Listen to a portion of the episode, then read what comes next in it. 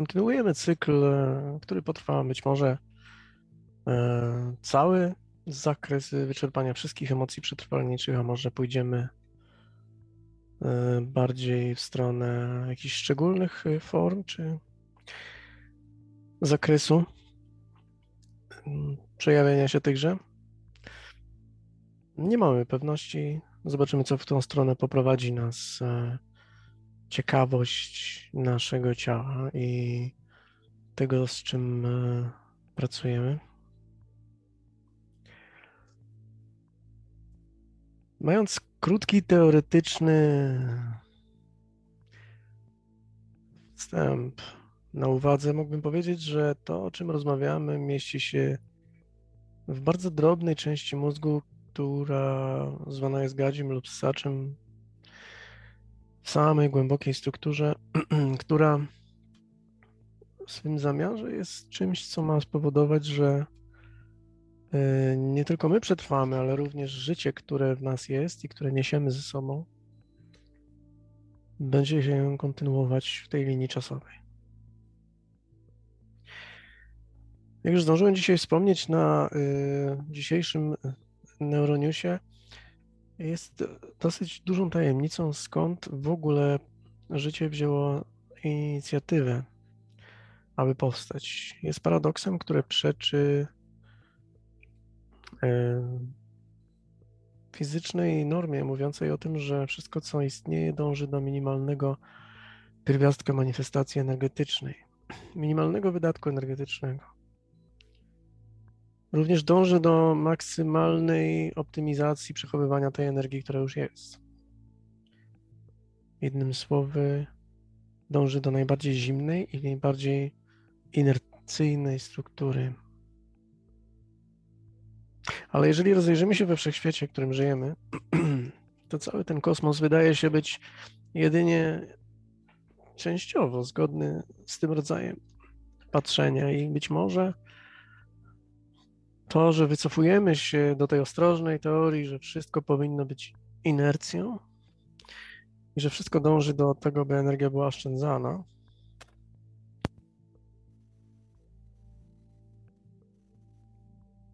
nie jest do końca prawdą na temat życia, ani na temat kosmosu.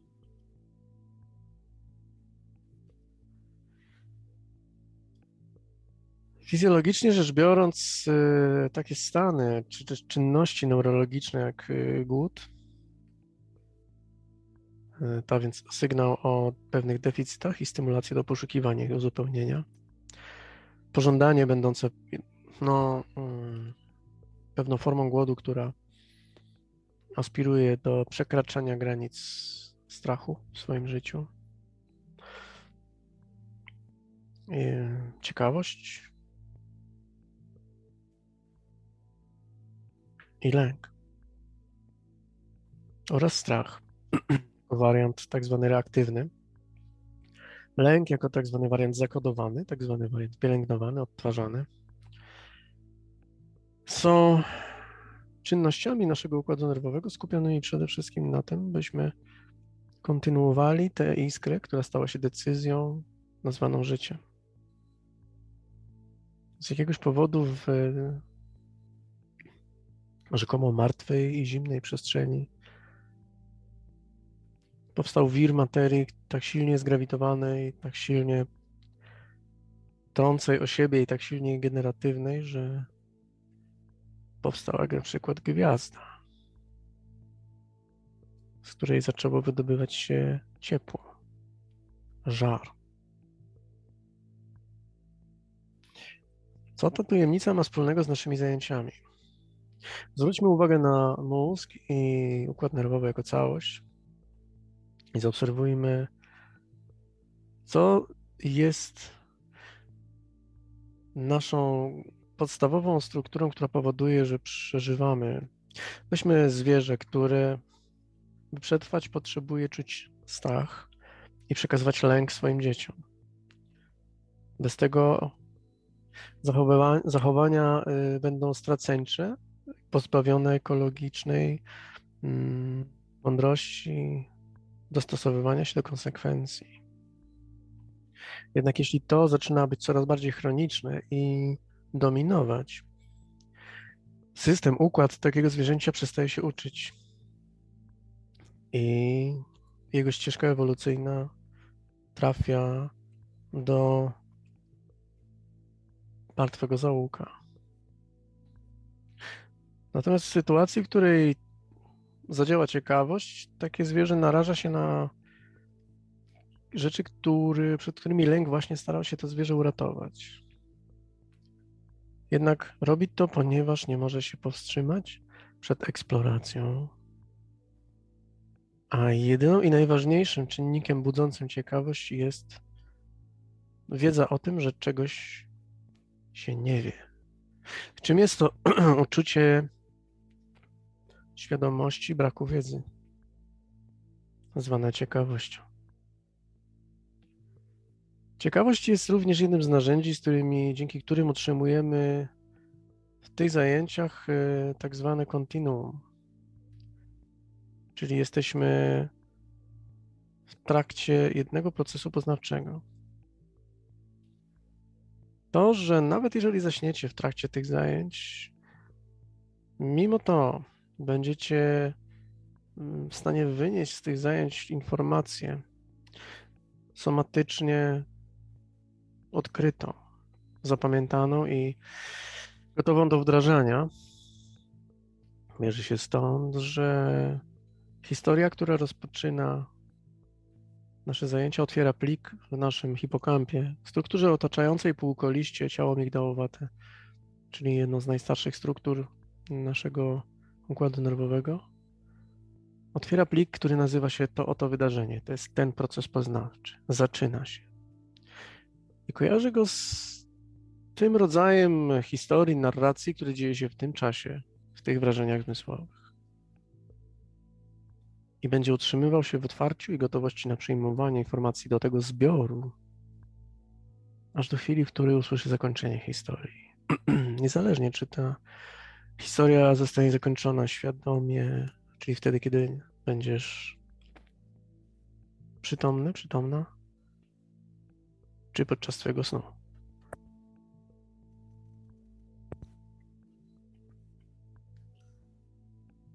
Jeżeli tak zwane zakłócenie, czyli wychylenie preferencji poznawczych pójdzie w stronę lęku, wtedy nasze macki są wycofane i staramy się bardziej trzymać wariantów sprawdzonych. Co nas oczywiście przed lękiem nie chroni, ponieważ zamknięcie i zaryglowanie drzwi nie powoduje utracenia lęku, a jedynie złagodzenie jego chwilowych objawów, eskalacji, ale utrzymanie jednak mimo wszystko w dalszym procesie, albowiem niewiedza tego, co ze drzwiami się zmienia, powoduje, że ten lęk bazuje na naszej wyobraźni, która opiera się na tym, czego zdążyła się nauczyć. sytuacja, w której idziemy narażać się, a więc otwieramy drzwi i wychodzimy do tego, co odbieramy albo jako zagrożenie, albo jako e, obiekt ciekawości. Zaczyna budzić nas proces poznawczy, w wyniku którego dowiadujemy się, że są inne terytoria. Inne terytoria, które hop, czekają.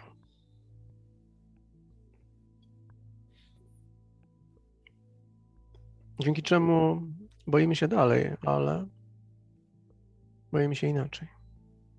Mamy wrażenie większej kontroli nad naszym strachem. Co prawda, nie jest to w żaden sposób większa kontrola nad naszym strachem.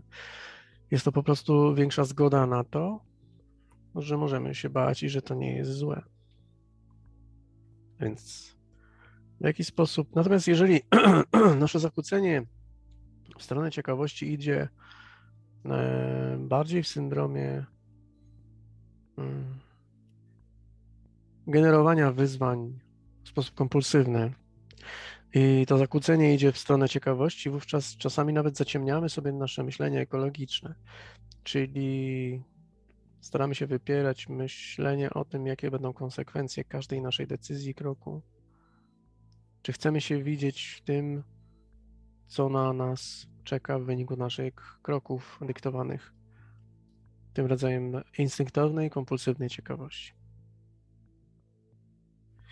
Według medycyny chińskiej, coraz silniej uznawanej przez medycynę naszego świata, lęk nerkowy, czyli mieszkający w nerkach, jest również powiązany z niepokojem poznawczym, który jest związany i z ucieczką, i z eksploracją. Ciekawość jest tym samym lękiem, ale w natarciu. Czy na pewno? Wielu z nas wydaje się, że są to dwie sprzeczne i walczące ze sobą struktury. Niektórzy z nas uważają się za jednostki bardziej lękowe, a więc ostrożne i wycofane, inne wręcz przeciwnie, eksplorujące i ciekawe. Czy jednak we wszystkim? Czy osoba, która jest w niektórych dziedzinach silnie eksplorująca, ciekawa, nie znajdzie żadnej strefy w swoim życiu, w której woli unikać? Czy osoby, które są lękowe w niektórych dziedzinach, jest takie się uważają, czy nie znajdą żadnej strefy życia, w której ich ciekawość, eksploratywność jest taka, że nie jedną inną osobę zdjęłyby lękiem ich odkrycia?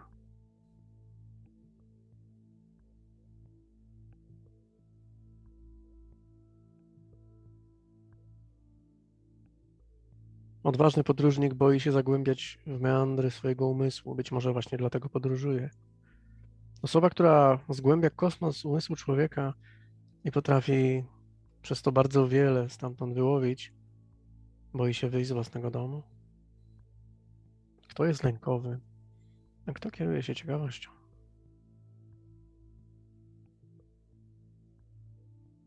Kiedy leżysz tutaj już, bo proszę cię już teraz, żebyś się położył, położyła w sposób wygodny dla siebie, zapewniający wokół siebie zakres ruchu przynajmniej na odległość połowy wyciągniętego ramienia.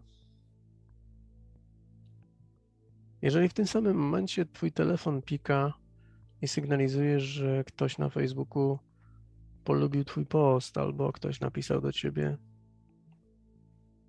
na jakimś innym komunikatorze, W jaki sposób budzi się ciekawość, żeby mimo wszystko sprawdzić?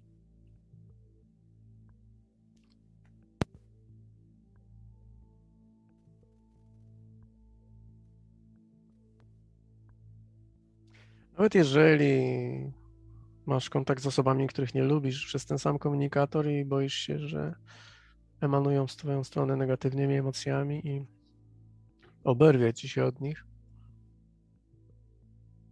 Pomimo, że nawet istnieje lęk przed otworzeniem tych komunikatorów, przeczytaniem tych wiadomości, to czy w ten sam sposób nie istnieje podświadoma ciekawość, co też tam zostało napisane?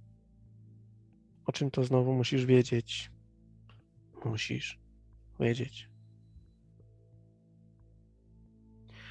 Sprawdź, czy może ci być jeszcze wygodniej. Czy możesz eksplorować tę dzisiejszą podróż w warunkach podwyższonego komfortu, jeszcze większego komfortu niż zapewnia ci Twoja pierwsza pozycja. Kiedy leżysz i badasz swój komfort w tej pozycji, przypomnij sobie historię albo usłysz ją po raz pierwszy o pewnej małpie, która jeździła na słoniu.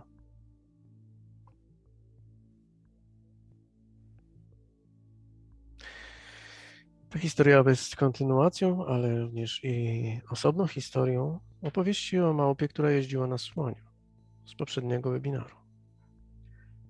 Pewna małpa jeździła na wielkim słoniu i uważała, przynajmniej podejrzewała, a nawet bardzo chciała w to wierzyć, że kieruje tym słoniem i ma całkowity wpływ na to, do, dokąd on idzie i czego szuka.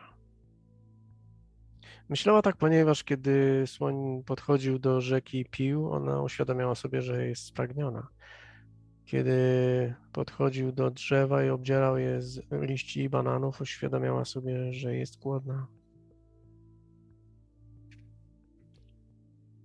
Poza tym, e, dzięki temu, że słoń podróżował, małpa nie męczyła się, mogła nawet czasami zasnąć w podróży i obudzić się kilkanaście kilometrów dalej w zupełnie nowym miejscu.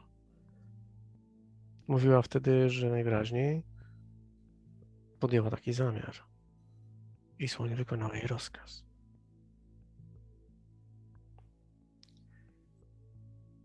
Małpa, prze, która przeszła na słoniu przez krainę wulkaniczną, której było w ostatnim webinarze, dostała się wraz z tym słoniem na prom, który przepłynął przez wąską cieśninę, za którą zaczął się nowy kontynent. Był to kontynent, na którym walczyły ze sobą dwa królestwa. W obu tych królestwach panowały ustroje militarne, ale każdy z nich działało inaczej.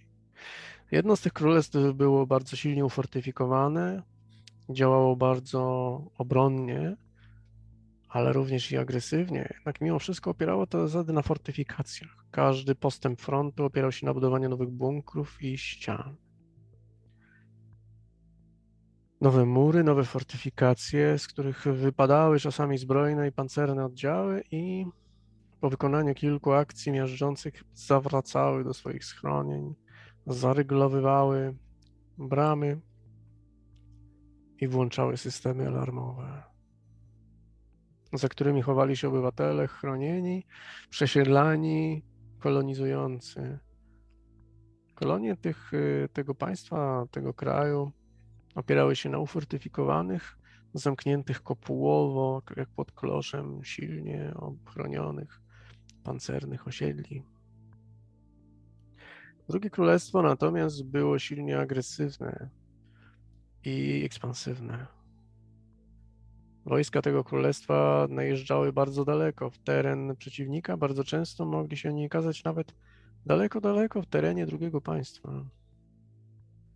Co więcej, kultura tego państwa była taka strasznie ekspansywna i elastyczna, że nawet w niektórych miastach państwa w którym e, fortyfikacje dominowały, e, słyszano jej piosenki, sprzedawano obrazy malarzy z tamtego miejsca. Czasami nawet czytano wiersze poetów z tego drugiego kraju, którym fantazja, straceńcza odwaga i niesamowita elastyczność infiltracji społeczeństwa była najważniejszą umiejętnością Walka podstępem i odwagą. Z odsłoniętą przyłbicą. Bardzo często w żywiołowych akcjach. Nawet jeśli przygotowanych starannie. Te kraje walczyły o dominację nad całym kontynentem i na takie właśnie miejsce, w którym Niedawno przestało być polem bitwy, trafił, trafiła małpa, bo tam przeprowadził ją słoń. I kiedy małpa zeszła ze słonia, zobaczyła, że na zniszczonej machinie wojennej siedzą zupełnie inaczej ubrani żołnierze i grają w karty. Grają w karty na pieniądze. Te pieniądze były różnych walut. Na każdym z nich znajdował się wizerunek innego władcy, a umundurowanie i uzbrojenie każdego z tych żołnierzy było kompletnie odmienne. Jeden z nich był silnie opancerzony, bardzo mocno obudowany i ze wszechsąd zabezpieczony różnymi rodzajami broni. Natomiast drugi był praktycznie półnagi, za to posiadający przy sobie bardzo zręczne, lekkie, ale i jak widać było bardzo ostre, wymagające dużej zręczności uzbrojenie. Ci żołnierze natomiast śmiali się, pili wino i grali w karty. Małpa zaciekawiona przysiadła przy nich i powiedziała, czy nie widzieli tu przypadkiem jakiejś wojny? Bo podobno w tym kraju jest, na tym kontynencie panuje wojna. Żołnierze spojrzeli na nią, uśmiechnęli się i powiedzieli: Tak, tak, cały czas, ale właśnie mamy rozejm i gramy sobie w karty, więc jeśli chcesz, opowiemy ci historię, bo akurat dawno nie rozmawialiśmy z nikim spoza jednego albo drugiego narodu. Małpa nie mogła się powstrzymać, ponieważ uważała się za istotę wybitnie logiczną, rządzącą się myśleniem cyfrowym, statystycznym i bardzo uporządkowanym, opartym na faktach. Nie potrafiła przed sobą przyznać się, że najbardziej na świecie uwielbia historię i narrację, legendy. Żołnierze zaczęli więc opowiadać. Pewnego dnia brat i siostra. Była to legenda opowiadana w jednym i w drugim narodzie w jednakowy sposób. Nikt bowiem nie pamiętał, jak to się stało, że tak różne, tak bardzo różne od siebie kraje miały tak bardzo podobne mity, bardzo podobnych bogów, bardzo zbliżone legendy.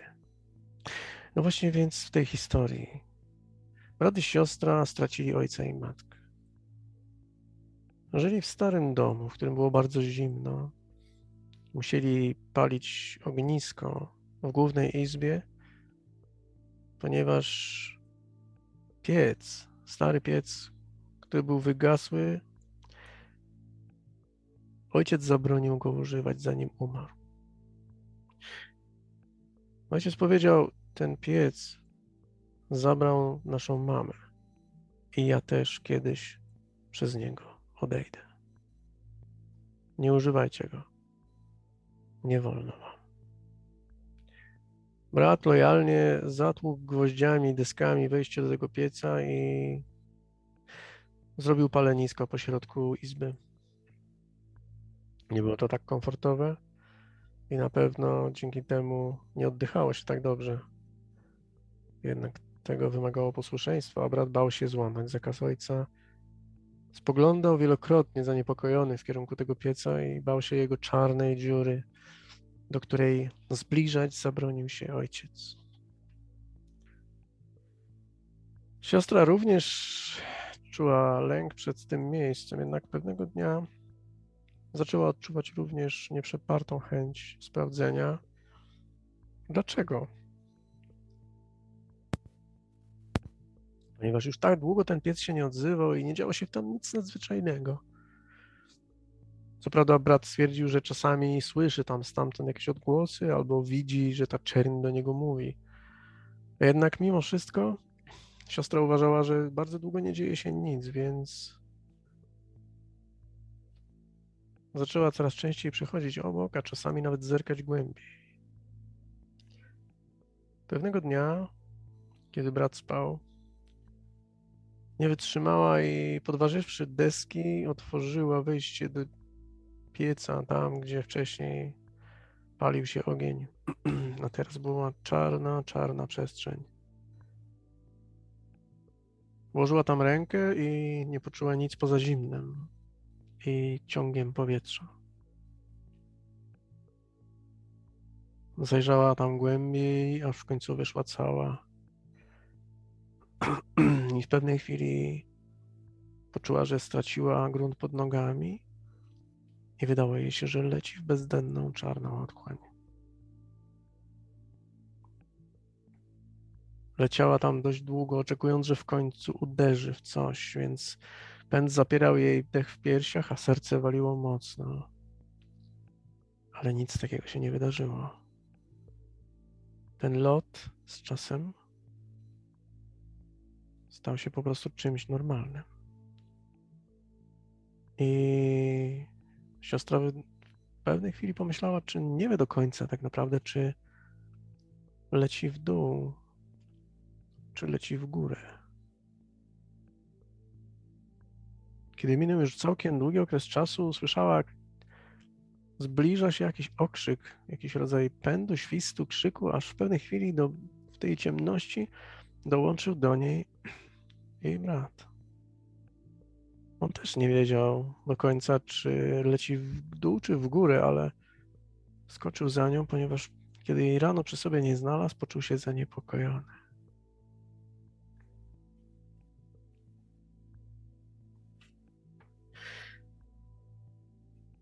Co oni tam odkryli, jak zakończył się ich wyczyn? Myślę, że zdążymy na ten temat znaleźć odpowiedzi A być może nawet w najbliższym ćwiczeniu spróbujemy zbadać miejsce, które kto wie, może zna odpowiedź.